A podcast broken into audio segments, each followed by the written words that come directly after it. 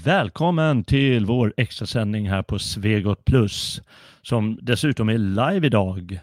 Mycket härligt. Vi har kämpat igenom fem program, fem inspelade program om massinvandringen till Europa eh, och gått igenom eh, i tur och ordning den historiska bakgrunden, eh, vi har gått igenom kulturmarxism, vi har gått igenom Sverige, nu blev det inte i turordning, men i alla fall.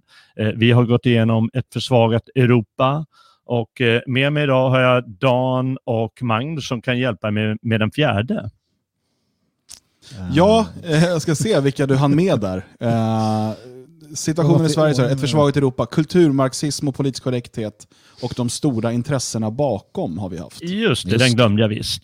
Där ser man. Och eh, jag har alltså med mig två experter på området. Det hade jag i de här fem poddarna också. Och live har vi dessutom alltså idag, förutom mig, hade hon Magnus Söderman och Dan Eriksson. Hallå, hallå. Hallå. Mm. Uh, vi klarade av det, fem program. Eh, det ja, vi klarade av fem program. Och uh, skälet till att uh, vi hade de fem programmen, det är ju att vi aldrig brukar prata om det här ämnet. Jag tyckte att det var dags så här förr eller senare. Ja. Någon Nej. måste prata om invandringen, det var det vi ja, kände. Någon måste ju göra det i det här landet. Ja, men har ni sett hur det ser ut där ute? Någon, någon måste ta upp det här ämnet. Det, det är mm. på tok för, för sällan som vi pratar om det.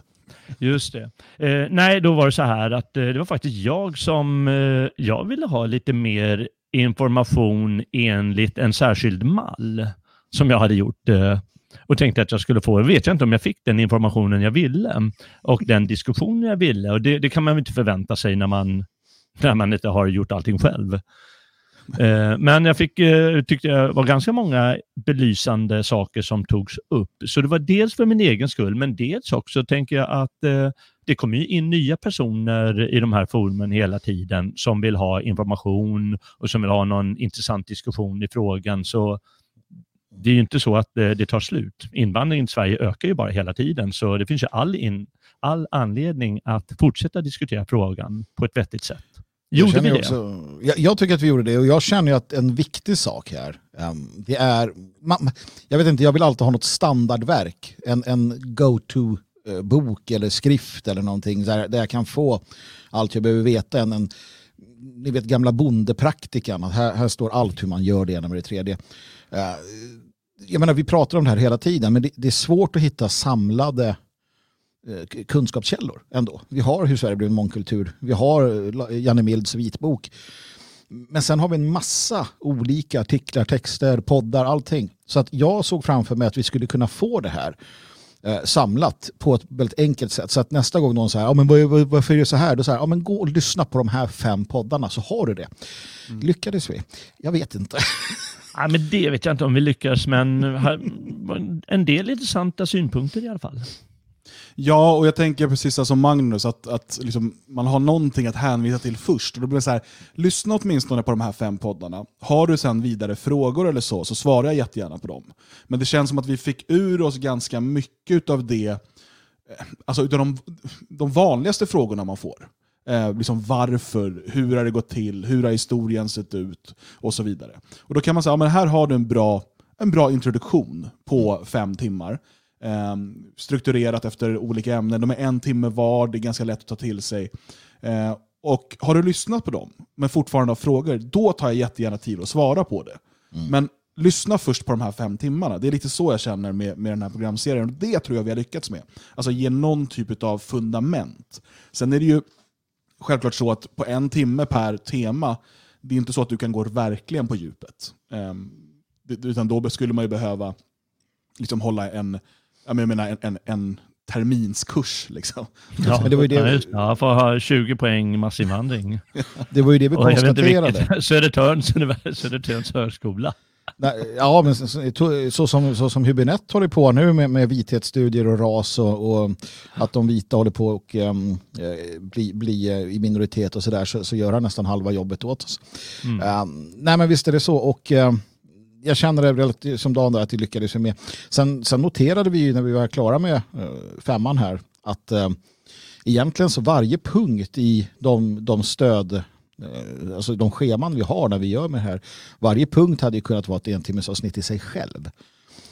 Så att det finns ju mer att säga. Och det är, det är väl någonstans tur det. Alltså man, man, man behöver grotta i det här och rota i det här. Och, och även om man tror sig förstå så gör man inte det. Jag, jag lär mig också nytt och det gjorde jag under de här fem timmarna. Ja, se nya ja. banor, se nya kopplingar, förstå lite djupare kanske eller skrapa på något som man inte, inte hade koll på. Mm. Nej, ja, verkligen. Mm. Jag, jag, kände också det att um, för de här, åtminstone några av ämnena, så kände jag att nu behöver jag gå tillbaka och läsa någonting eller liksom slå på vissa saker och sådär. Eh, för att fräscha upp minnet. Vilket gjorde dels att man just som sagt fräschade upp minnet, men det är så här, aha, ja det var så det var, och så börjar man koppla ihop saker igen. För det är mycket, eh, mycket av, av, de böcker som vi refererade till, vi kommer ju ofta med, med lästips och sådär, det är sånt som åtminstone jag läste för minst 10 år sedan. En del 15 eller ännu längre sedan. Mm. Och sen har man inte riktigt läst det efteråt. Och man har ju utvecklats som människa under den här tiden och fått en massa ny kunskap. Vilket gjorde att när jag började läsa dem igen nu så kände jag oj, då kunde jag plötsligt se dem i andra sammanhang och lägga ihop saker. Så det har ju varit en, en resa för en själv också som har varit eh, nödvändig tror jag för att, för att fräscha upp det här. Det, det, är lätt att man bara fortsätter rapa floskler eller liksom inövade eh, paroller mer eller mindre för att man, det var så länge sedan man läste eh, lite djupare om det här. Och nu, mm. Jag tyckte det var, det var en bra idé Jalle att du fick, då, fick oss göra det här och jag hoppas att um, du som ser det här eh, eller lyssnar på det här också tar dig tid att lyssna på de här fem avsnitten. Mm. Ja, jag tycker som... bra också. Att, får jag bara, bara, säga det? Sen ska ja. jag vara tyst ett litet tag. Uh, att just Jalle var med och gjorde det här också, tog initiativet och programledde tycker jag är bra. För att uh, han, du, har ju en annan bakgrund än vi.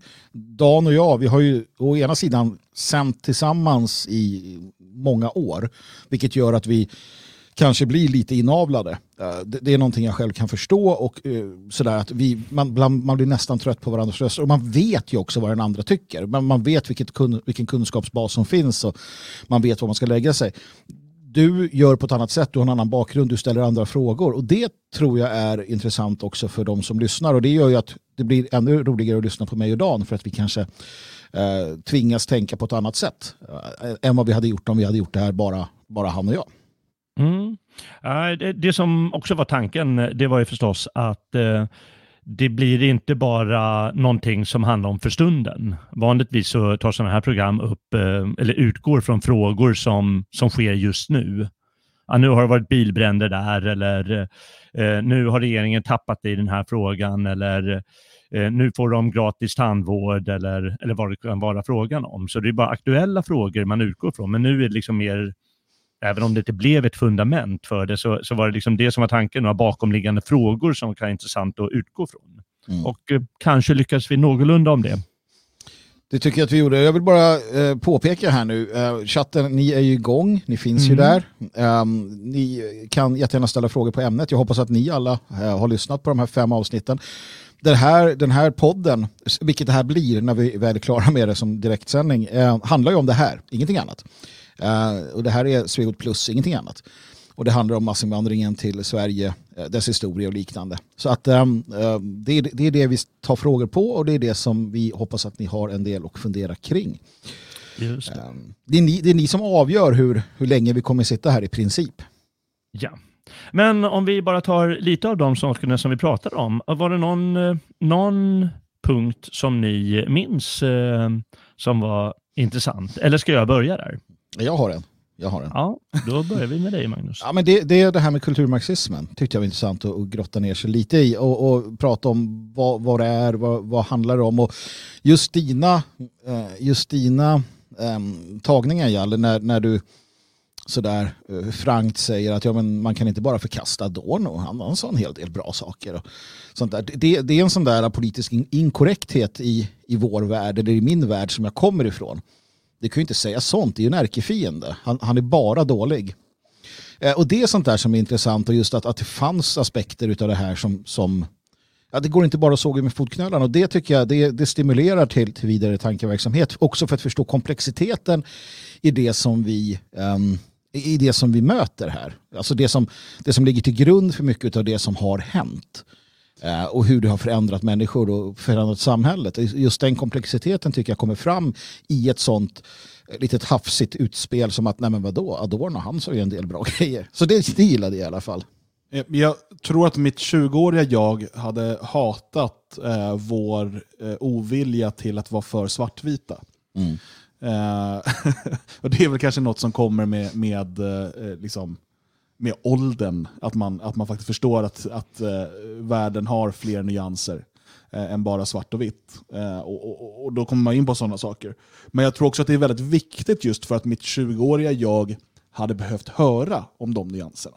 Mm. Och försökt, alltså för att och det här har du och jag talat om flera gånger Magnus, att, att när vi var liksom tonåringar och började engagera oss i nationellt så fanns det inte riktigt vuxna män som kunde på något sätt leda en i rätt riktning. Vi fick ju lite grann uppfinna hjulet på nytt mm. eh, och hitta själva hur, hur det här skulle gå till. Eh, och Den erfarenhet som vi har samlat på oss kan vi förhoppningsvis då använda för att se till att inte eh, de som är tonår, tonåringar idag ska behöva uppfinna hjulet på nytt. Och Då är det mm. viktigt att, att trycka på det här med att liksom världen är komplex eh, och det är inte svart eller vitt, det är inte bara ont och gott, utan det finns väldigt många faktorer som, som spelar in till varför det blir som det blir. Och, ehm, eh, ja, och då, då, måste man också kunna komma in på att tala om Frankfurtskolan eh, och liksom att det var inte bara så att de alltid var ute och cykla. Sen hade, hade de i mina ögon eh, liksom felaktiga verktyg för att analysera eftersom att de var marxister. Mm. Men eh, det, det, är fortfarande så att, att därur har det också fötts många intressanta saker som vi idag använder oss av när vi pratar om metapolitik till exempel. Mm. Det är ett begrepp som, som kommer härifrån väldigt mycket. Men det är ju mm. samma problem som vi ser med, eh, för att, för att uh, brodera ut det hela, som vi ser med uh, franska revolutionen. Ehm, det är ju lätt att, att eh, inta en svartvit inställning där också och, och, jag gillar ju inte den. Men jag gillar ju också en del av det som kommer ur den. Ehm, så att eh, det är värt att ha det i åtanke hela tiden. Och som sagt, det, det tycker jag är bra. Med Jalle blir det gärna så. Eh, ganska ofta faktiskt. Att han att han tvingar, till, tvingar en till att fundera lite mer kring de där sakerna. Just på grund av våra olika vägar in i det här. Mm.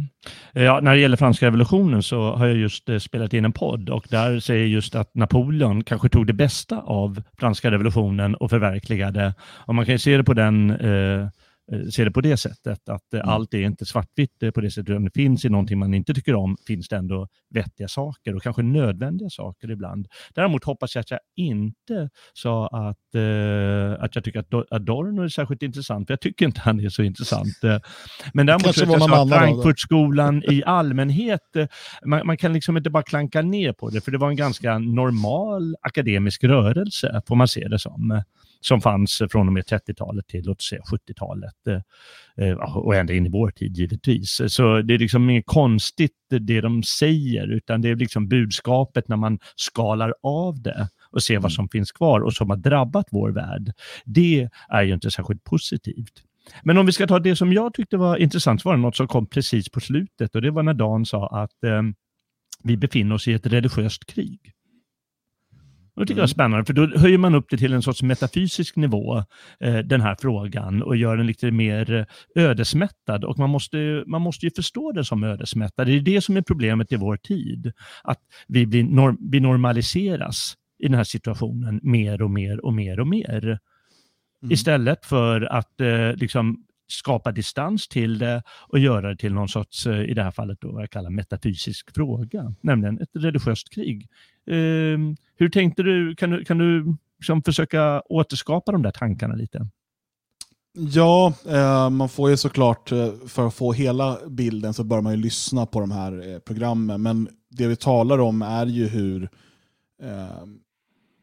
dels liksom den moderna människan, men kanske framförallt de som är våra politiska motståndare faktiskt drivs av en typ av religiös övertygelse.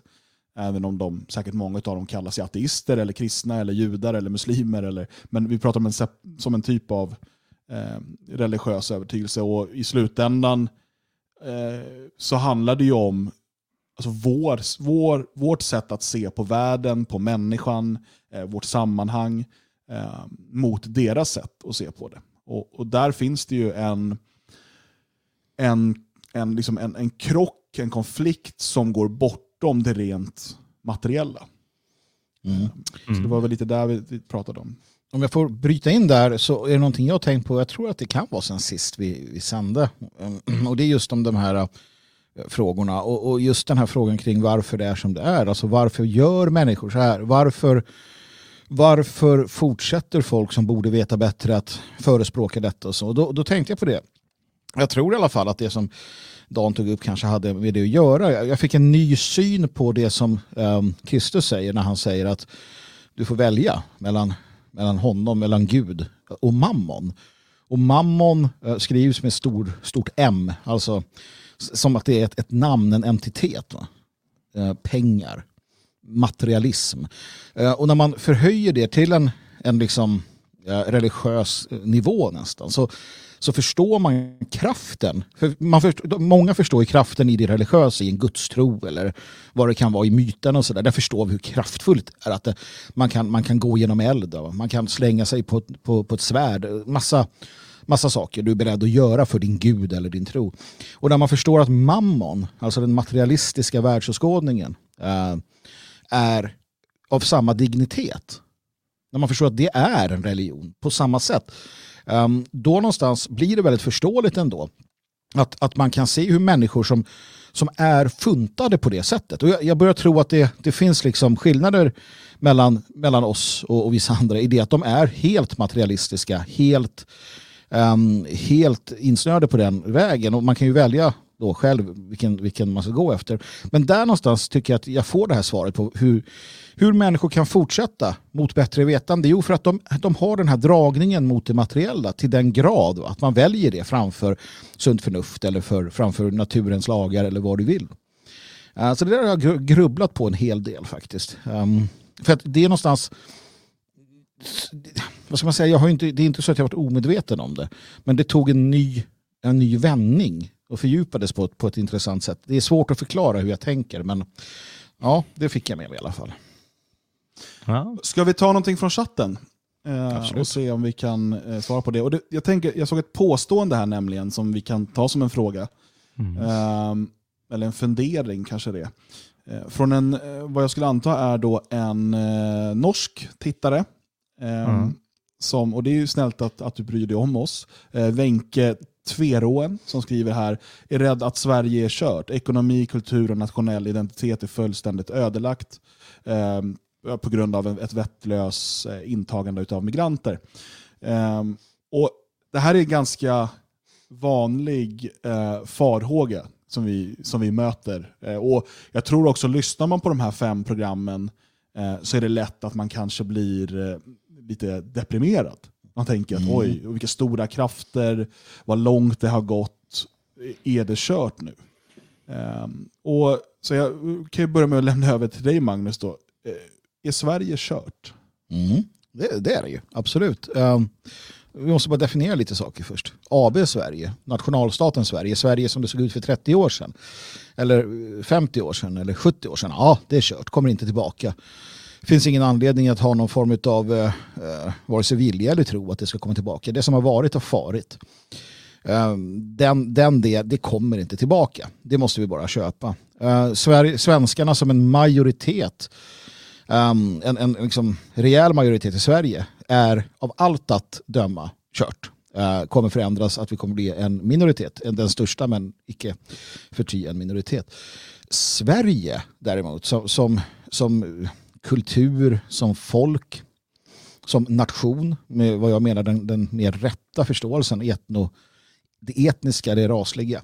Det är inte kört, inte på länge, absolut inte. Och eh, det, det, det går upp och ner. Det, det har varit så länge. Ehm, alla nationer har gått igenom det, folk har gått igenom det. Ehm, det gäller bara att man, att man förstår det, att man inte nedslås av det så fortsätter. Men, men, men hela den värld vi tittar på, med, med länder här och Norge där med sin olja och så vidare. Allt det där, det är egentligen en illusion som kommer att raseras med tiden. Eh, så att det är stä- ständig förändring.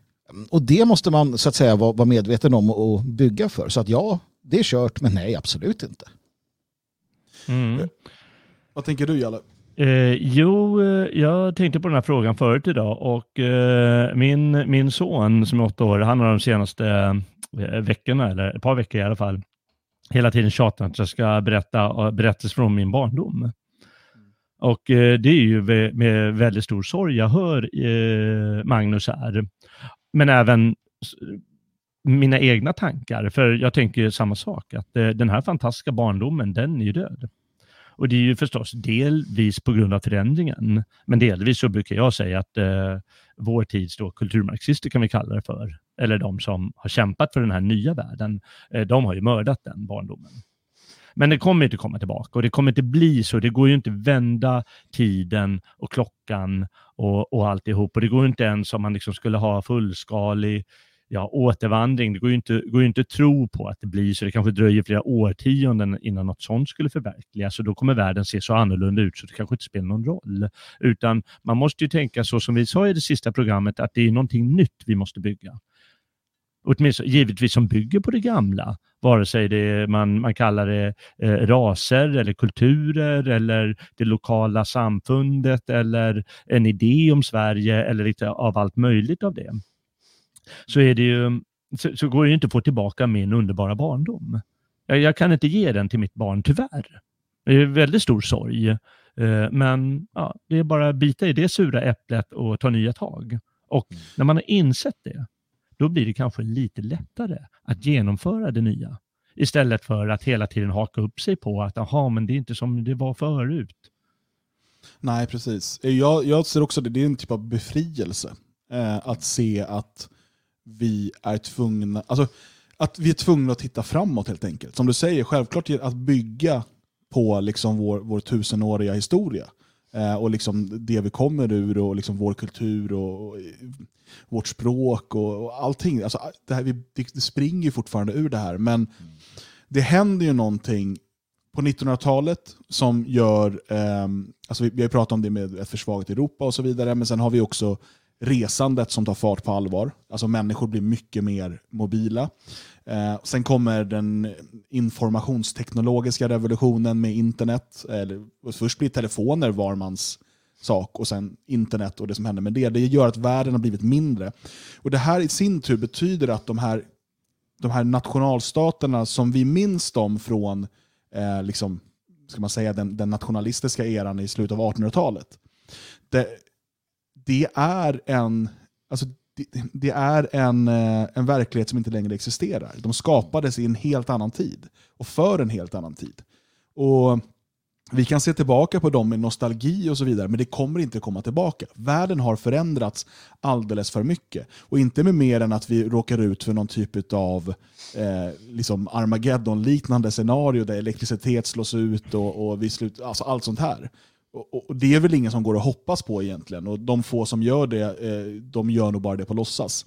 Mm. Eh, utan världen är en annorlunda plats idag. Då måste vi ju anpassa strategi eh, och målsättningar efter den värld vi faktiskt lever i. Och Till detta kommer dessutom att Sverige då har fört den här galna massinvandringspolitiken. Man är inte ensam om det, men man har varit värst i klassen på många sätt eh, under så pass lång tid.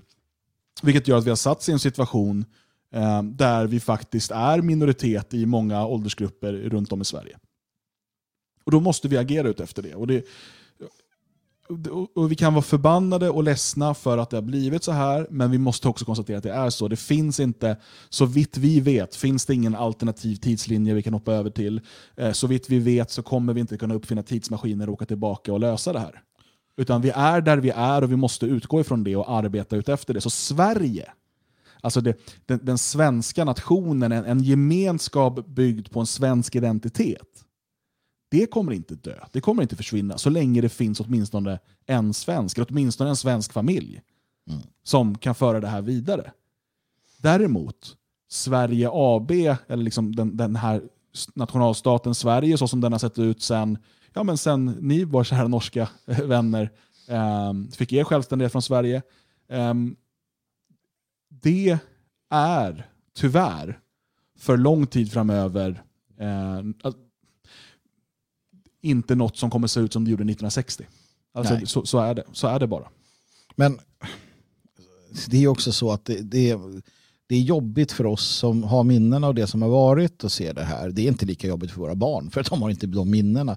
De kan få myterna och det är nog så viktigt, eh, kanske viktigare till och med. Men tittar man bara på, på um, Jalles uh, bild, feed, jag vet inte vad det heter just nu, så ser ni nere i hörnet där en svensk flagga. Eh, och då ska man komma ihåg att den flaggan, den skapades inte för att eh, hedra um, Eh, en, en, en nation som eh, blomstrade och var i, var i sådär eh, eh, vad ska man säga, fast och säker och trygg. Och så, oj, det ska vara. Utan den skapas som en motståndsflagga mot dansken. Det är därför man gör den. Man väljer andra färger men man gör då korsflaggan som, och som en motståndsfana mot den danska eh, ockupanten. Alltså vår flagga föds i motstånd. Det är värt att komma ihåg. Eh, vår historia är inte statisk eh, på något sätt. Vi, vi kastar till sist av oss eh, eh, den, här, den här fruktansvärda Kalmarunionen och tar vår frihet tillbaka. Och det var en gång. Vi har hållit på med det där tidigare och bränt fogdeborgar och, och liknande. Men innan den tiden så hade vi germanstammarna. Då fanns inte Norge eller Sverige eller Tyskland. Då fanns våra stammar. Och då bråkar vi med romarna. Då skickar vi Varus legioner till helvetet, eller hel, eller vad man vill, i Teutoburg i skogen. Och, och, och så vidare. Så att kamp, strid, konflikt. Eh, det har funnits med oss sedan tidernas begynnelse. Det är inget konstigt. Den här idén om att vi bara ska kunna leva i fred och frihet och ha det bra i all evighet, den är ju, den är, det är ju en lögn. Och, och det, det, finns i en civilisations liv så finns det tid för ibland så, är det så pass lugnt och fint att man kan eh, läsa fina böcker och skapa stora, eh, stora konstverk och så.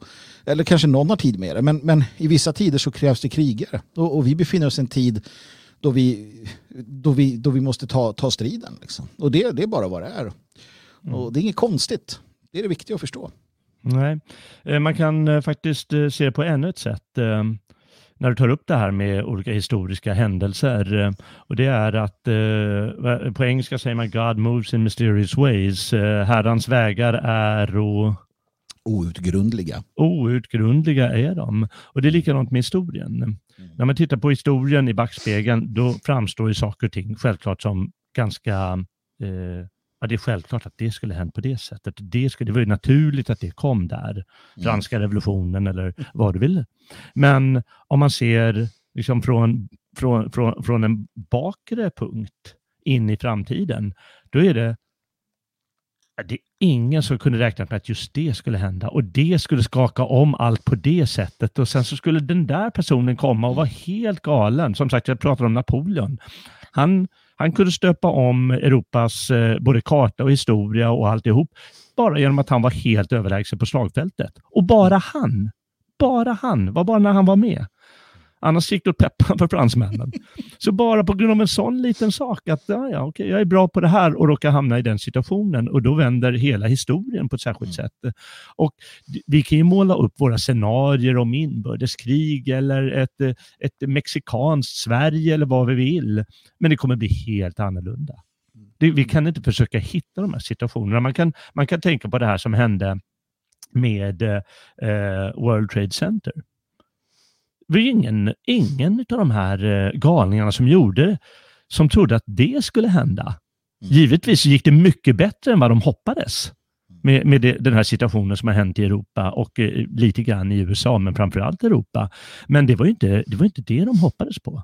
Det var någonting helt annat de hoppades på. Istället så blev det krig i Afghanistan och sen Irak och så vidare och eh, hela den arabiska våren och eh, amerikanska eh, invasioner tillsammans då med stora delar av det världssamfund som vi, jag vet inte vad jag ska kalla det för. Och sen så har det här landat i en massinvandring till Europa samtidigt. Det var ingen som kunde lista ut det, eller tro det. Jag tycker det är jätteintressant och jag vill bara snabbt hoppa på den. För att det finns ju, alla som nördar ner sig i historia vet att det finns de här riktiga nördarna. Till exempel de som ägnar ett halvt liv åt att, att förstå stigbygelns effekt. vad, vad innebar det att du kunde eh, sitta på hästen med rustning? Hur förändrade det historien? Ja, ganska massivt. Samma sak när, när du får eh, armborstet. Helt plötsligt så har du en, en riddare som är ute och rider i skogen. Aldrig varit något problem. Han får en pil i bröstet, bryter igenom pansrat, han dör. Vad fan var det som hände? helt plötsligt kunde bonjävlarna, skogsgubbarna skjuta ihjäl riddarna. Allt kastas om. Just som du säger, de här detaljerna som Gud i himlen vet. Um, det är det som kommer bli game changer i framtiden också antagligen. På ett eller annat sätt. Kanske redan, har, kanske redan finns, vi vet bara inte om det. Ja, det, det är sånt där som också håller eh, hoppet och lågan brinnande. Att vi vet att det är så det är. Jo, mm. men jag skulle väl säga att internet på ett sätt är en typ av game changer. Det är dels eh, finns det ju då det som, om man då är eh, romantiskt lagd till, till liksom den, de gamla nationalstaterna och sådär, så kan man se det som negativt att folk att världen blir mindre. Samtidigt eh, så kommer det väldigt mycket positivt ur det också för oss som, som, som bryr oss om vår identitet och så vidare. För att det har gjort att vi har kunnat kommunicera och bygga gemenskaper digitalt, vilket liksom få kontakt med människor över inte bara hela vårt land utan svenskar i exil runt om i hela världen. Eh, och kunna få den här kontakten och därmed hålla det svenska levande på ett sätt som inte sker i till exempel det, det offentliga eh, kulturlivet speciellt mycket idag, utav det som eh, eh, promotas. Liksom. Utan, mm. eh, och det är ju tack vare internet. och, och om man säger det som det fria Sverige har byggt och så vidare, det har varit, jag, jag, jag skulle inte säga omöjligt, men mycket svårt utan internet. Betydligt svårare. Ja, visst. Mm.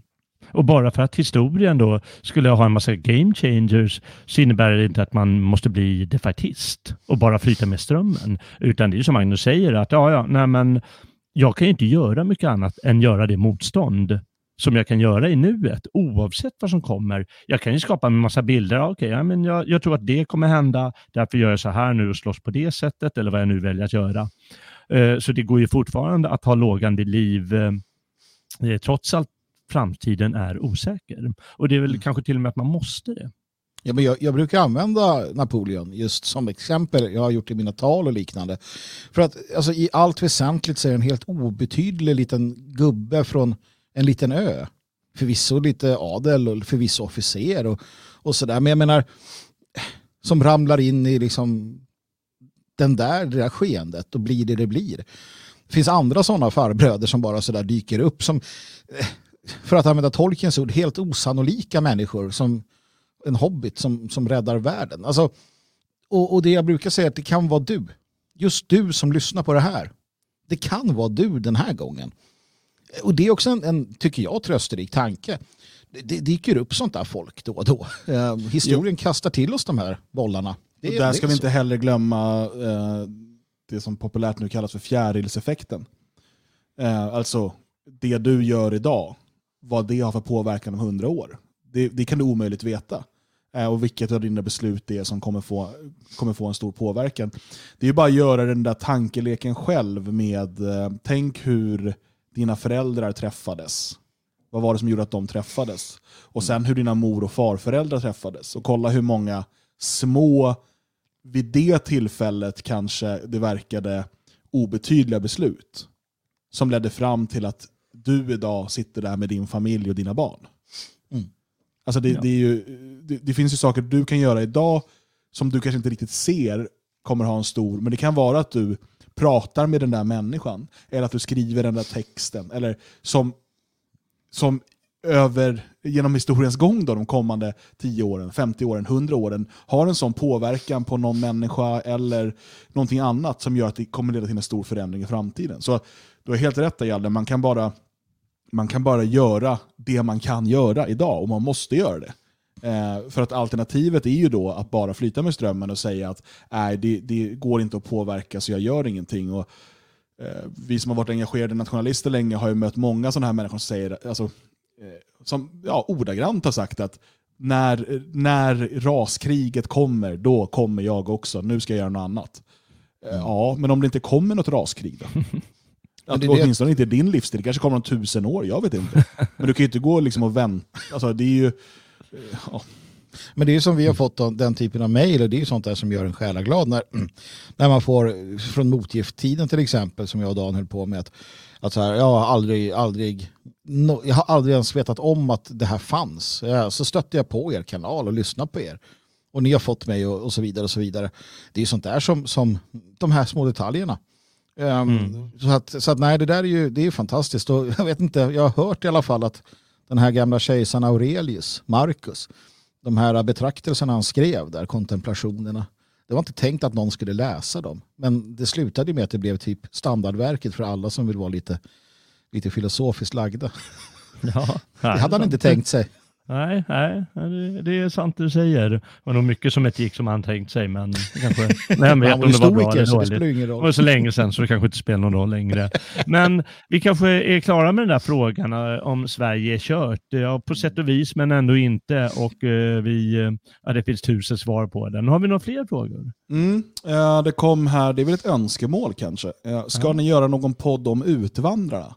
Eh, och då, då, menar den här personen då som har ett konstigt namn, eh, det vill säga svenskar som lämnat landet på grund av kulturberikningen de senaste åren. Eh, alltså de moderna utvandrarna. Vi pratar inte eh, Strindbergs utvandrare då. Det är intressant, som... det dyker upp, eh, i, mina, i mina flöden dyker det upp allt mer frekvent ska jag säga. Hur människor eh, lämnar gamla, gamla Svea. Hon, mm. hon ligger där som en plundrad kommod som, eh, som han sjunger i låten. Ja. Det är ju det är en väldigt intressant fråga. Ja, jag har inte tänkt det, men det är väl någonting som borde tas upp. Det brukar ju finnas i en del eh, alternativmediepoddar och, och radioprogram och uh, videoprogram eller vad det nu är. Där de intervjuar någon som har flyttat till, till Schweiz, eller Italien, eller Tyskland eller Ungern eller något sånt där. Det behöver inte vara någon med nationell, eh, nationalistisk förankring utan bara någon som har gjort det för att de tycker att tillvaron där har blivit så rutten. Ofta är det för att man har barn och så, att man tycker att sjukvården och skolgången har blivit så värdelös i Sverige. Så att man inte vill, man vill inte utsätta barnen för det längre. Det, det jag noterar när det där dyker upp i mitt flöde, det är att alla expats, de som redan är i utlandet, de applåderar och välkomnar och säger det där är bra val, så ska man göra. Medan de som är kvar i landet blir oftast lite sura och sådär. Vad fan ska du flytta för? Det är ju bättre att du är i Sverige. Det är också en intressant fråga ja, ja, som, man, som man definitivt kan, kan grotta lite i och göra sig ovänner i alla, i alla läger. Um, huruvida man ska eller inte ska och så vidare. Det, det, det är kul. Mm. Jag ser det som en, en bra idé att hålla, ha en sån podd vad det lider. Ja, och jag, man själv är ju väl lite träffad. Eh, alltså, jag har ju bott utomlands eh, under 12 år. Mm. Eh, och nu bor jag deltid utomlands eh, och eh, det är precis här i övergångsfasen, men pendlar mellan Sverige och Tyskland. Jag har en tysk fru och sådär. Eh, och, och, familj som bor i Tyskland. Eh, men eh, det är inte för att vi är invandrare i Sverige, för det är det i Tyskland också. det är andra ja, anledningar. Ja, det det. Men, men man kan säga så här att om du väljer att flytta utomlands, vill säga för att du ska få bättre skolgång för dina barn eller för att du inte litar på svenska sjukvården eller vad det nu än är för anledning. Eh, jag ser inga problem med det. Men så länge du fortsätter att göra bra saker för Sverige, alltså inte för Sverige AB, utan för det fria Sverige, för framtidens Sverige. Att du fortsätter eh, göra det du kan. Eh, inte det här att ah, men, fan, det är så skit i Sverige, nu ska jag åka och ligga på stranden i Pattaya i, i 20 år och dricka drinkar för att då slipper jag skiten. Det är inte då, är det, då är det bara en fegis. Ja, ja, eh, men, att, men att bosätta sig utomlands av vilken anledning det än må vara, men fortsätta göra ett, ett, liksom, ett positivt arbete för vår gemensamma framtid. Mm. ja, då är det, gör det om du vill. Alltså, saken är ju den att eh, det framtida Sverige, det som vi bygger nu, är inte så beroende av den fysiska platsen. Eh, även om det såklart är liksom i det, i, på den skandinaviska halvön som det fria Sverige växer fram av naturliga skäl. Det är, liksom, det är där vi hör hemma. Men eh, det är inte så att vi måste befinna oss inom Sverige ABs gränser för att det på något sätt ska fungera. Nej, jag, jag, jag måste säga det igen. Alltså att jag, en av de mer intressanta disku, diskussionerna Eh, på länge ändå som, som jag själv har lyssnat på på svenska. Det var ju mellan Alexander Bard och Kasselstrand. Um, och jag tycker att Bard hade en hel del intressanta visioner om framtiden. Han pratade om stadsstaternas återkomst till exempel. Fast stadsstater i form av Google eller Facebook eller nästa sånt här stora företag som helt sonika blir någonting helt annat. Vi pratade om det här också under vår programserie vill jag minnas. Och det är en sån där sak som, som faktiskt inte kan eh, sopas under mattan. Det, det du var inne på Dan om det här med, med hur tekniken hade förändrats och jetplanens tillkomst och så. Vad, vad händer nu med 5G?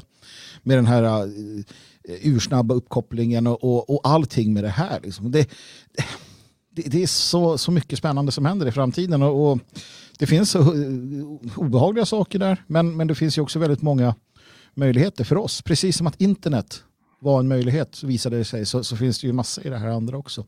Mm. Nu vet jag inte vad jag svarade på men eh, jag bara babblar på så nu blir jag tyst mm. istället. Eh, jag ska svara på frågan i alla fall och det är att jag i alla fall har skrivit upp eh, eh, att det är någonting som vi skulle kunna ta och göra. En podd om mm. svenskar som utvandrar på grund av kulturberikning. Mm. Mm. Ja, bra idé. Eh, en fråga från Lucifers den, eh, tydligen eh, är det här. Eh, vad anser ni om det liberala begreppet civic nationalism? Och det är väl, svenska är väl det statsnationalism? Va? Precis, eh, inledningsvis så kan Lucifer uh, brinna i helvetet. Jag tänker inte, inte svara på den frågan. nej, inte ännu. Det kommer, det kommer. Vi ska ja. nog ta itu med honom. Uh, nej, jag, nej, det är ett löjligt, skitlöjligt begrepp. Trams, dumheter. Men är det inte en, en naturlig, eh, ett naturligt försök från de här gamla staterna att försöka jo. hålla ihop eh, medborgarskaran så att säga? Mm. För det är inte en nation vi talar om längre, utan mm. du har en massa medborgare tillhörande olika nationer inom en stat. Och så man behöver ju ändå något, något som håller ihop, som gör att man mm. känner en typ av gemenskap och man liksom är beredd att betala skatt och eh, mm. hjälpa varandra. och sådär. Och Då behöver man hitta någonting. Och då är den här statsnationalismen, alltså, eh, USA är ju ett exempel på det och vi ser vilka problem de har redan där. Men liksom, du svär din trohet till, till flaggan, till konstitutionen eh, och du är, liksom, du är ja, gör du det så är du en av oss, då är du liksom amerikan. Mm. Det är det man vill förmedla i alla fall. Eh, och man ser det här, man försöker göra det i Sverige också med de här medborgarskapsceremonier på mm, nationaldagen. Eh, och man är afrosvensk och iraniersvensk, mm. eller svensk-iranier och vad de nu kallar det för. Eh, och att liksom svensk, det handlar bara om att du är en del av den här staten. Det, är inget folk. Liksom, utan, men då, och därför är du en del av det där svenska, så har vi då värdegrunden och allt det här. Så det är ett ganska naturligt sätt för, för makten att försöka konstruera en nationalism, alltså en, en, en gemenskap, eh, för något som egentligen inte finns. Mm. Ja. Jag tycker att eh, begreppet, det, det, faller i Sverige och det har ju fallit hela den, vi, vi, jag sitter ju, jag i alla fall skrattar åt när du säger de här medborgarceremonierna, att det är ju bara, det är ju bara löjligt. Eh, de, de vill ha sitt pass och så säger de hurra. Eh, skälet till att det är svårt i Sverige det är för att vi är inte som Frankrike eller USA. Utan eh, här har nationalismen eh, i den mån den har funnits, den har ju varit jättestark. Den har ju, gjort, den har ju funnits av det gamla skälet att eh, vi har varit ett folk. Mm. Och att vi har en gammal historia som är väldigt enhetlig. Vi är ett litet land i utkanten av Europa som inte har eh, varit med om eh, sådana här resor som, som Österrike, eller Tyskland, eller Frankrike eller Italien har varit. Mm. För att vi ligger i utkanten och är eh, ett, litet, eh, ett litet folk. Och då har vi kunnat vara enhetliga. Och då, det kommer aldrig förverkligas någon sån statsnationalism i Sverige och i den mån de försöker göra det i statsmakten så vet både de, de känner ju det, att det här är bara löjligt och alla vet att det är löjligt. Så jag, jag tror inte på den idén när det gäller Sverige i alla fall. Men det är Nej, ju... jag, men jag ska säga att jag tror att, att det man, det, där man ska ha en större chans att lyckas, teoretiskt sett, det är med EU. Mm. Alltså där man, man konstruerar en ny identitet eh, det här, och en, liksom en ny flagga som inte har någon etnisk historia. Eh, man, man skapar en nationalsång och man skapar liksom, försöker bygga någon, någon mytologi kring det där. Och, eh, man flyttar mer och mer makt över till EU. Jag tror inte det kommer fungera, men jag tror att man har en större chans när man skapar någonting nytt, någonting helt artificiellt, något som inte har vuxit fram ur en nation. Mm. Utan det är verkligen en skrivbordsprodukt. Men sen ska du då få svenskar, och tyskar, och holländare och polacker att börja säga att de är Va? Polack? Nej, nej. Jag är EU-medborgare. Jo, men det, det, är ju också, det är ju det här också, jag tycker när man väl blir prövad också. Jag, jag är ju Europavän och jag älskar Europa. Så. Och jag var i ett sammanhang då, då jag var med, med liknande Europavänner och vi hade det så bra tillsammans. Och det var europeiskt hit och dit. Och så in klev två stycken IS-terrorister. Och jag blev, vad fan är det som händer? Och det här var våra bröder från Cypern. Jaha, våra bröder. Det är alltså, du menar att de såg Europe... ut som IS-terrorister? Ska ja, ja. klargöra det? Precis, det, såg, det, var två extremt stora araber som klev in och var våra... Det sa du inte till dem? Du sa nej, inte dem att de är araber? Nej, nej. Men alltså, det, det, rent visuellt så var det ju det så här, herregud, här kommer jag från yttersta Norden som, som, som Jalle säger och in kliver de och det är våra europeiska nationalistiska bröder och de, de, de för en stenhård kamp och värd all respekt. Men min första reaktion det var ju liksom, nu, nu händer det, nu nu är vi attackerade av fienden. Nu kommer kriget. Ja men det var ju helt, det var ju otäckt va. Uh, jag vet, jag sa det till Dan, det här är alltså någonting som det var många, många år sedan nu och det sitter fortfarande i, i mig. Så hur ska vi kunna få det här på den skalan? Jag ser, det, det, alltså just, just längre söderut det kommer i Europa, desto enklare blir det säkert. Eh, för Ja. de är som de Det, är. är lite ur, det, blir- det kan bli lite urvattnat också. Jag känner folk som jobbar på sådana här företag där ja, men du får inte kalla den där för en finne. Mm. Och, och så vidare, utan vi ska, vara, vi ska ha ett eh, alternativnamn för alltihop. De, de kör ju med hela feminismen och allt det där tramset. Eh, eh, som de ska ha på sina företag, sin policy och, och sina eh, me- medarbetarsamtal och så. Och ja, det, det vänder sig i magen på alla som är sunda, tycker jag. Sen, men sen är det några som tycker om det och kan leva med det, men eh, ja, det blir ju en Men vi får, inte, vi får inte glömma heller att det är, det är inget nytt. Romarna försökte ju. Ja. Ja, liksom tillbe kejsaren och det spelar ingen roll om det var nubier eller german skulle blandas och det skulle liksom eh, vara en del av den här ordningen och eh, jävla dumheter. Va? Eh, Kublai Khan, Genghis Khan, det var helt okej. Du kunde vara eh, perser eller german och vara, stiga högt i graderna Men där alltså, så länge Ryssland gjorde... är väl ett sånt projekt idag också? Ryssland absolut idag. Så att det är ingenting nytt. Eh, funkar bättre och sämre lite beroende på vart du är. Men nej, jag, jag tycker inte vi kan se ett enda sånt projekt som har fungerat över tid. Mm.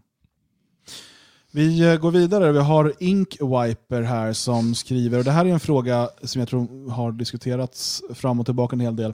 Finns det en risk om SD får mer inflytande att Sverige stabiliseras och blir ungefär som USA? Finns det en bättre chans att återskapa eller skapa ett bättre Sverige om det havererar fullständigt?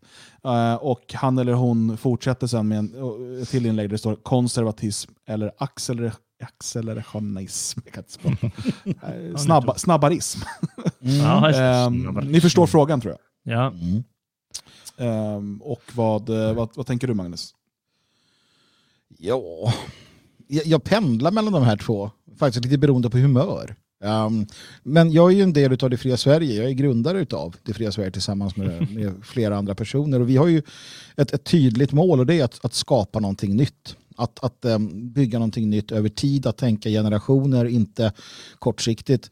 Uh, och det är mest för att vare sig det blir det ena eller det andra så står vi redo. Då står vi som är fria svenskar, identifierar som fria svenskar, vi står redo vad som än händer. Uh, det är mest, det är lite som att spå i teblad kan jag tycka. Det är, jag kan inte ge vare sig eller. Um, det blir vad det blir. Jag vill vara beredd på alldeles oavsett. Um, min, mitt fokus är att bygga det fria Sverige. Eh, faktiskt, ingenting annat. AB Sverige, det, det, får, det får falla på eget grepp helt enkelt. Jag tänker vare sig göra bu eller bä. Mm. Ja, det var en väldigt svår fråga tycker jag med. Eh, om man... Eh, SD har ju förändrats väldigt mycket som är klart för sig. Jag menar, det är ju inte vad det var för 15 år sedan. Och eh, vem vet hur det kommer se ut om fem år. Så det är, ja, det är väldigt svårt. Utan det beror på, så politiska konstellationer, de är, ja, de, är, de är svåra att förutsäga och de är svåra att eh, se vad det kommer leda till. Så ja, jag, jag tycker det är för svår fråga att svara på. Men du, Ja, du har ju... för, för, nej, för det finns ju för och nackdelar. Alltså, eh, fördelen, vi säger att, att SD får ett, eh, ett regeringsinflytande och vi säger att vi kan stoppa invandringen. Eh, det skulle ju åtminstone göra den här processen där vi blir en, en mindre minoritet, det skulle ju göra det långsammare. Vilket skulle ge oss liksom mer tid att bygga. Samtidigt så kan det vagga in oss i en falsk trygghet som gör att man känner att ah, men nu är invandringen stoppad. Eh, och så ser man inte de här större rörelserna och så eh, istället för att då försöka bygga någonting. Men så att, eh, jag, jag tror att man som du är inne på Jalle, vi kan inte riktigt förutse vad de här fjärilsvingslagen kommer få för effekt. Så att det vi kan göra det är att göra rätt, att bygga, att, att liksom vara kreativa, eh, att, att leva vår kultur, att, att liksom stärka vår identitet och vår gemenskap, låta det fria Sverige blomma. Eh, och vad som än händer i världen runt omkring oss, ju starkare vi är, ju, st ju större vi är, desto bättre kommer vi klara vad som än kastas emot oss. Mm. Jag tycker också att eh, menar, den naturliga reaktionen är ju att hoppas att eh, ett parti som Sverigedemokraterna får mer inflytande än till exempel ett parti som Miljöpartiet. Mm. Annars är, annars är liksom, jaha, ska jag gå och hoppa, jag hoppas att Miljöpartiet kommer in i, i riks, eller får, får mer, får 20 procent, för då kommer de trycka på som 17 med massinvandring och då blir det inbördeskrig. Mm. Men det, men det är ingen, på något sätt tycker inte jag det är en sund inställning. Nej, så det är det inte. I, I grund och botten så tycker jag att det är bättre att Sverigedemokraterna får mer inflytande än om de inte får det. Vad jag än tycker om Sverigedemokraterna. Mm. Ja, För precis, alternativet är ett, ett, ett, ett, värdelöst parti, ett som står helt eh, bortom mina, eh, min inställning, får mer inflytande och det är ännu sämre. Ja, men jag tror, vi har pratat om det där tidigare i samband med val just och vi har kommit fram till att vad ska man rösta på? Vi får ju ofta den frågan. Och vi har ju landat i att du måste rösta på det du tror mest på. Det som, det som i sådana fall, om du nu röstar, så rösta på det som står dig närmast. Um, allt annat blir konstigt. Det, det blir sådär, nej jag ska minsann rösta på Fi för att då kommer det här ske. Men det kommer det ju inte. Uh, utan du förstärker ju deras position då. Och de, de känner vind i seglen. Medan något annat ja, parti och folk inte drar folk. får för ju fler röster de får, desto fler kommer titta dit och därmed övertygas av deras idéer. För det funkar mm. så. Eh, de får mer pengar, de får mer... Alltså, nej, eh, jag tror inte på den typen av eh, liksom 4D-schack. Och dessutom överskattar man nog betydelsen av sin egen röst. Ja, men tittar, du, tittar historiskt sett, om, om man säger okej okay, vi ska göra oss av med Caesar, eller vi ska göra oss av med den här diktatorn, den här ledaren. Vi, ger, vi, vi hjälper till att ge en mer makt. För då, va? Eh, nej, utan då så planerar man att störta honom, döda honom eller någonting. Det är därför vi har haft den typen av händelser. Att, att militären har rest sig mot, inte tvärtom. Så att någonstans är det det man måste sträva efter. Att, att få bort dem, att, att bekämpa dem, att visa att ni hatade, ni är avskydda. Ni har inget stöd. Nej, så det tycker jag inte man ska göra. Inte rösta på Fi eller V. Inte. Nej, nej. nej, nej. Vit man undrar här, hur ska man hantera naiva nationella som menar att vi ska inte släppa en centimeter av vårt land till främlingarna eftersom svenskar har levt och dött på den marken i årtusenden. Eh, och han skriver också, vi ska typ slåss och dö för Malmö för att platsen är historiskt svensk. Ser ingen mm. poäng i att slåss för Malmö i dagsläget? Mm, nej, det ser inte mm. jag heller inte sådär bestämt. Alltså AB Sveriges gränser. Jag menar, alltså, eh, vi hade Norge och vi och Finland och vi och Danmark hade ju Skåne och sådär. Så just gränserna behöver inte fastna i alla fall inte de vi har just nu. Det där kommer nog ändras. Men det här Preussen är ett problem. Är svenskt. Ja, ja, hela Nordtyskland och Wismar och, och jag menar Baltikum och Östersjön, ett innanhav och så vidare.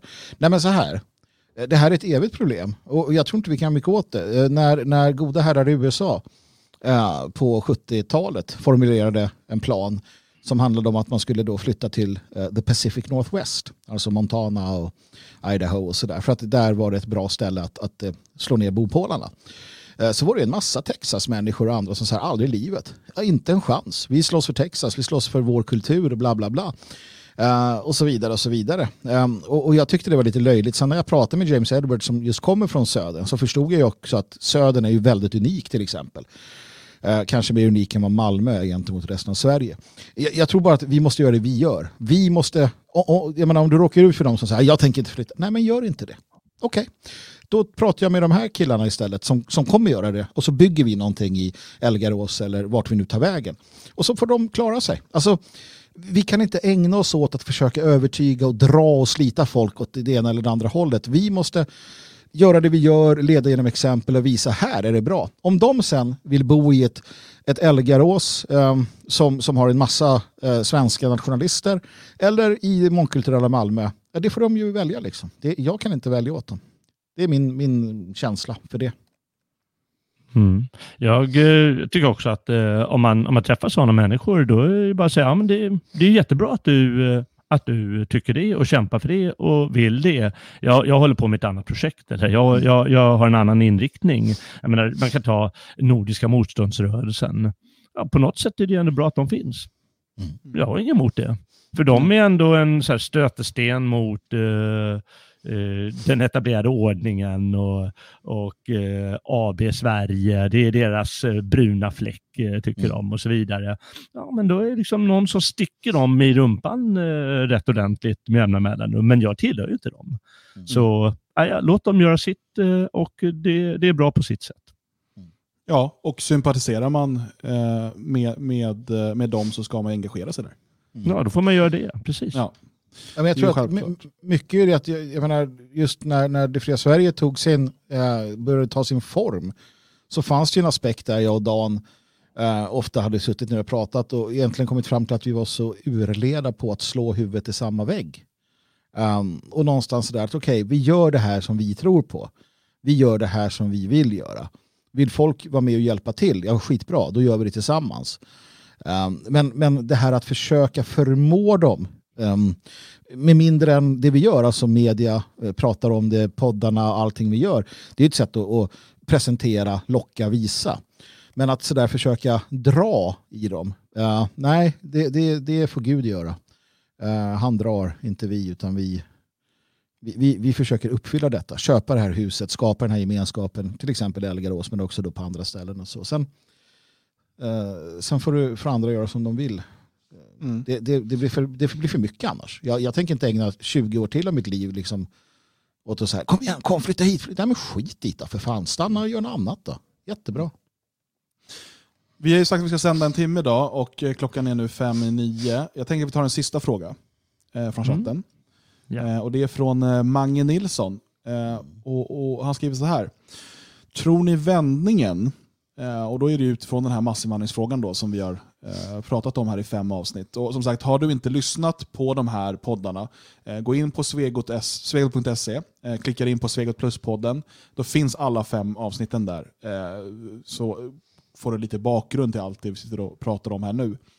Eh, och berätta gärna för vänner och bekanta. Svegot.se. Han skriver så här, tror ni vändningen kommer på grund av ett inbördeskrig? Eller kommer vändningen med politik och beslut som kommer tas i riksdagen? Mm. Och eh, Det här är ju en fråga som egentligen kräver en till fråga. Kommer det komma någon vändning? Ja, just det. Just det. Eh, om, man, om man bara tar frågan, den frågan som Mange ändå ställde, så äh, jag, jag, även om något, låt oss säga att det här är de naturliga eh, möjligheterna att ställa sig, så kommer det ske på ett tredje sätt. Av någon tredje anledning. En outgrundlig anledning, precis som tydligen Herren i himlen önskar.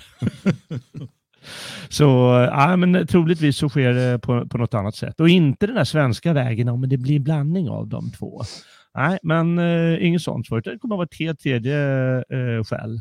Mm. Mm. Men om vändningen kommer att komma, jag tror vi måste ställa frågan annorlunda. Jag tror att det, det, det är inte en vändning, utan det är någonting annat som kommer komma. Sen kan inte jag se in i framtiden på det sättet. Jag har för grumliga, eh, glasögonen är för smutsiga. Mm. Jag, jag, tycker att jag ser renässansen här, nu, redan. Alltså under mitt liv hittills, eh, det jag har sett. Eh, trots att, jag menar, det, det är det som är intressant, trots att det gamla Sverige förloras och dör bort, så, så ser jag en starkare opposition och en, en klartänkthet och en medvetenhet som absolut inte fanns när Sverige mådde mycket bättre än vad det mår nu. Så fortsätter det på den vägen så ser jag att den här renässansen fortsätter. Jag ser också en, en, en tillbakagång, eller inte tillbakagång, jag ser att man, att man återfinner Eh, de gamla värderingarna. Som kristen tycker jag att det är väldigt kul att se hur allt fler personer eh, som vågar säga att de har åtminstone en kulturkristen uppfattning. Samtidigt som våra hedniska vänner inte alls har den, att, att vi inte har den samma, samma attityd mot varandra som en gång i tiden hade. Och det är inte bara så där traditionella katoliker utan nu kommer allt fler andra. Jag ser en massa saker som just leder fram, tror jag, till det här Jalle är inne på. Någon helt annan tredje underlig vändning i en, en, liksom, en, en supermodern internetbaserad värld med Google som har en stadsstat i Azerbajdzjan. Jag, jag vet inte. Liksom inte ens Isaac Asimov skulle kunna skriva om det tror jag. Det kan ju vara att de eh, plötsligt blir det fantastiska dagar i eh, Jordanien. Mm. Alla vill flytta till Jordanien plötsligt. Ja, Inte en käft vill bo i Sverige längre. Kanske bara en Inklusive hälften av svenskarna. Ja, De liksom åker ner till en nya Klondike och eh, hackar sten. Kommer någon jävla Absolut, det- det finns så sten många från saker. rymden. Ja, det, precis. Det, det finns så många saker som, som kan hända. Och jag tror att när man tänker på en vändning, eh, eller så, jag vet inte om det är så Mange som ställer frågan, ser det, men, men jag tror att man kan tolka det som det här vi var inne på, då, att man på något sätt skulle kunna vrida tillbaka klockan, även om liksom man inte vrider tillbaka den tekniska biten, men att det blir då en massiv återvandring eh, och eh, liksom på något sätt så skulle Sverige få den etniska sammansättningen, alltså Sverige AB då, den etniska sammansättningen som man hade 1960. Eh, Så tror ju inte vi att en sån vändning kommer. Däremot så kommer vi gå igenom förändringar hela tiden. Och även när man talar om tidigare liksom, nationella återtaganden av sitt land, vi talar Reconquistan i Spanien 800 år, eh, så är det ju inte så att Spanien inte sen var förändrat. Att Spanien var detsamma som det var 800 år tidigare. Mycket mörkare. Demografiska förändringar, absolut. Kulturella förändringar. Alltså synen, det fin- finns ju massa saker som, som har förändrats, också för att det har gått 800 år. Ja, Men, vi måste också ha det här i spännande. ja, vi måste ha det här i åminnelse. Att det tog 800 år innan eh, liksom den, den här eh, iberiska halvön var eh, under liksom spanskt styre igen. Mm. Eh, och när det vi bygger nu, vi bygger alltså dels för att ha någonting för oss som är så bra som möjligt idag för våra egna familjer och, och liksom de som vill vara med oss. Eh, men framför allt för att lägga grunden för något som kan växa och med tiden vara en typ av svensk reconquista. Sen kommer den inte tas i samma form som i Spanien. Eh, men den kanske kommer ta lika lång tid innan vi har ett helt, en helt ny, fri, självständig svensk stat. Kanske. Det vet vi inte. Men varken ett, ett inbördeskrig eller... Och då är frågan, inbördeskrig mellan vilka? För, för det är inte så att de, de etniska svenskarna, alla som då rent liksom har svenska föräldrar och sådär, att alla de på något sätt är enade mot de här horderna av utlänningar. Det är inte så världen ser ut, utan vi har ju, de allra flesta svenskar är ju motståndare till oss. Mm. Alltså de allra flesta etniska svenskar är ju motståndare till våra idéer. Så är det då inbördeskrig mellan oss och sossar? Eller, alltså, det finns ju så många fronter här. Och vi kommer säkert få se liksom inbördesstrider i Sverige mellan andra etniska grupper. Kurder och turkar spöar ju på varandra även i Sverige. Eh, och vi kommer få se sådana här etniska enklaver som växer fram. Men vi kommer också få se de här små liksom, stridigheterna och politiska beslut som kommer påverka vår framtid. Men det är vad vi gör och liksom vad vi bygger och vad vi skapar som lägger grunden för vad vi ska vara om 100 år eller om 500 år. Eh, och med det är inte sagt att vi inte liksom hela tiden ska jobba för att få igenom så bra politiska förändringar för oss som möjligt. Genom att få in så bra politiker som möjligt i parlamenten. Eh, eller att vi inte ska liksom försvara oss om vi blir attackerade eller liksom den här typen om man då pratar krig. Men, men det är inte där vårt fokus ligger. För det där är ju en, en, det är en, en, en variabel vi egentligen inte kan påverka. Alltså vad som händer i framtiden. Utan vi är här och nu och vi bygger för att vara så bra rustade för vad som än händer. Det, det är liksom min syn på det. Mm. Nej, det är, inte, det är inte svårare än så. Uh, jag tänker att det kanske blir en renässans för zoroastrianismen i, i uh, Iran. Man kastar ut mullorna och går tillbaka till det. Vad sjutton händer då? det vore ju jättehäftigt. Va? Eller pandemier. Det är ju sånt där som vi är vana med just nu. Så kommer det någonting som är sju resor värre, värre än vad det här var. Digerdöden igen eller någonting. Men det är också en sån där curveball som vi inte kan... Ingen aning. Tänk om var tredje människa dör. Ta Eller en eh, asteroid som skrattar. slår, slår sönder halva Europa. Ja visst, visst. Jag vet inte. Eh, Spännande, spännande framtid i alla fall. Som sagt, det viktiga är att vara förberedd. Att göra det, det rätta här och nu. Ehm, det är det jag landar hela tiden. Och det är jag glad att jag gör.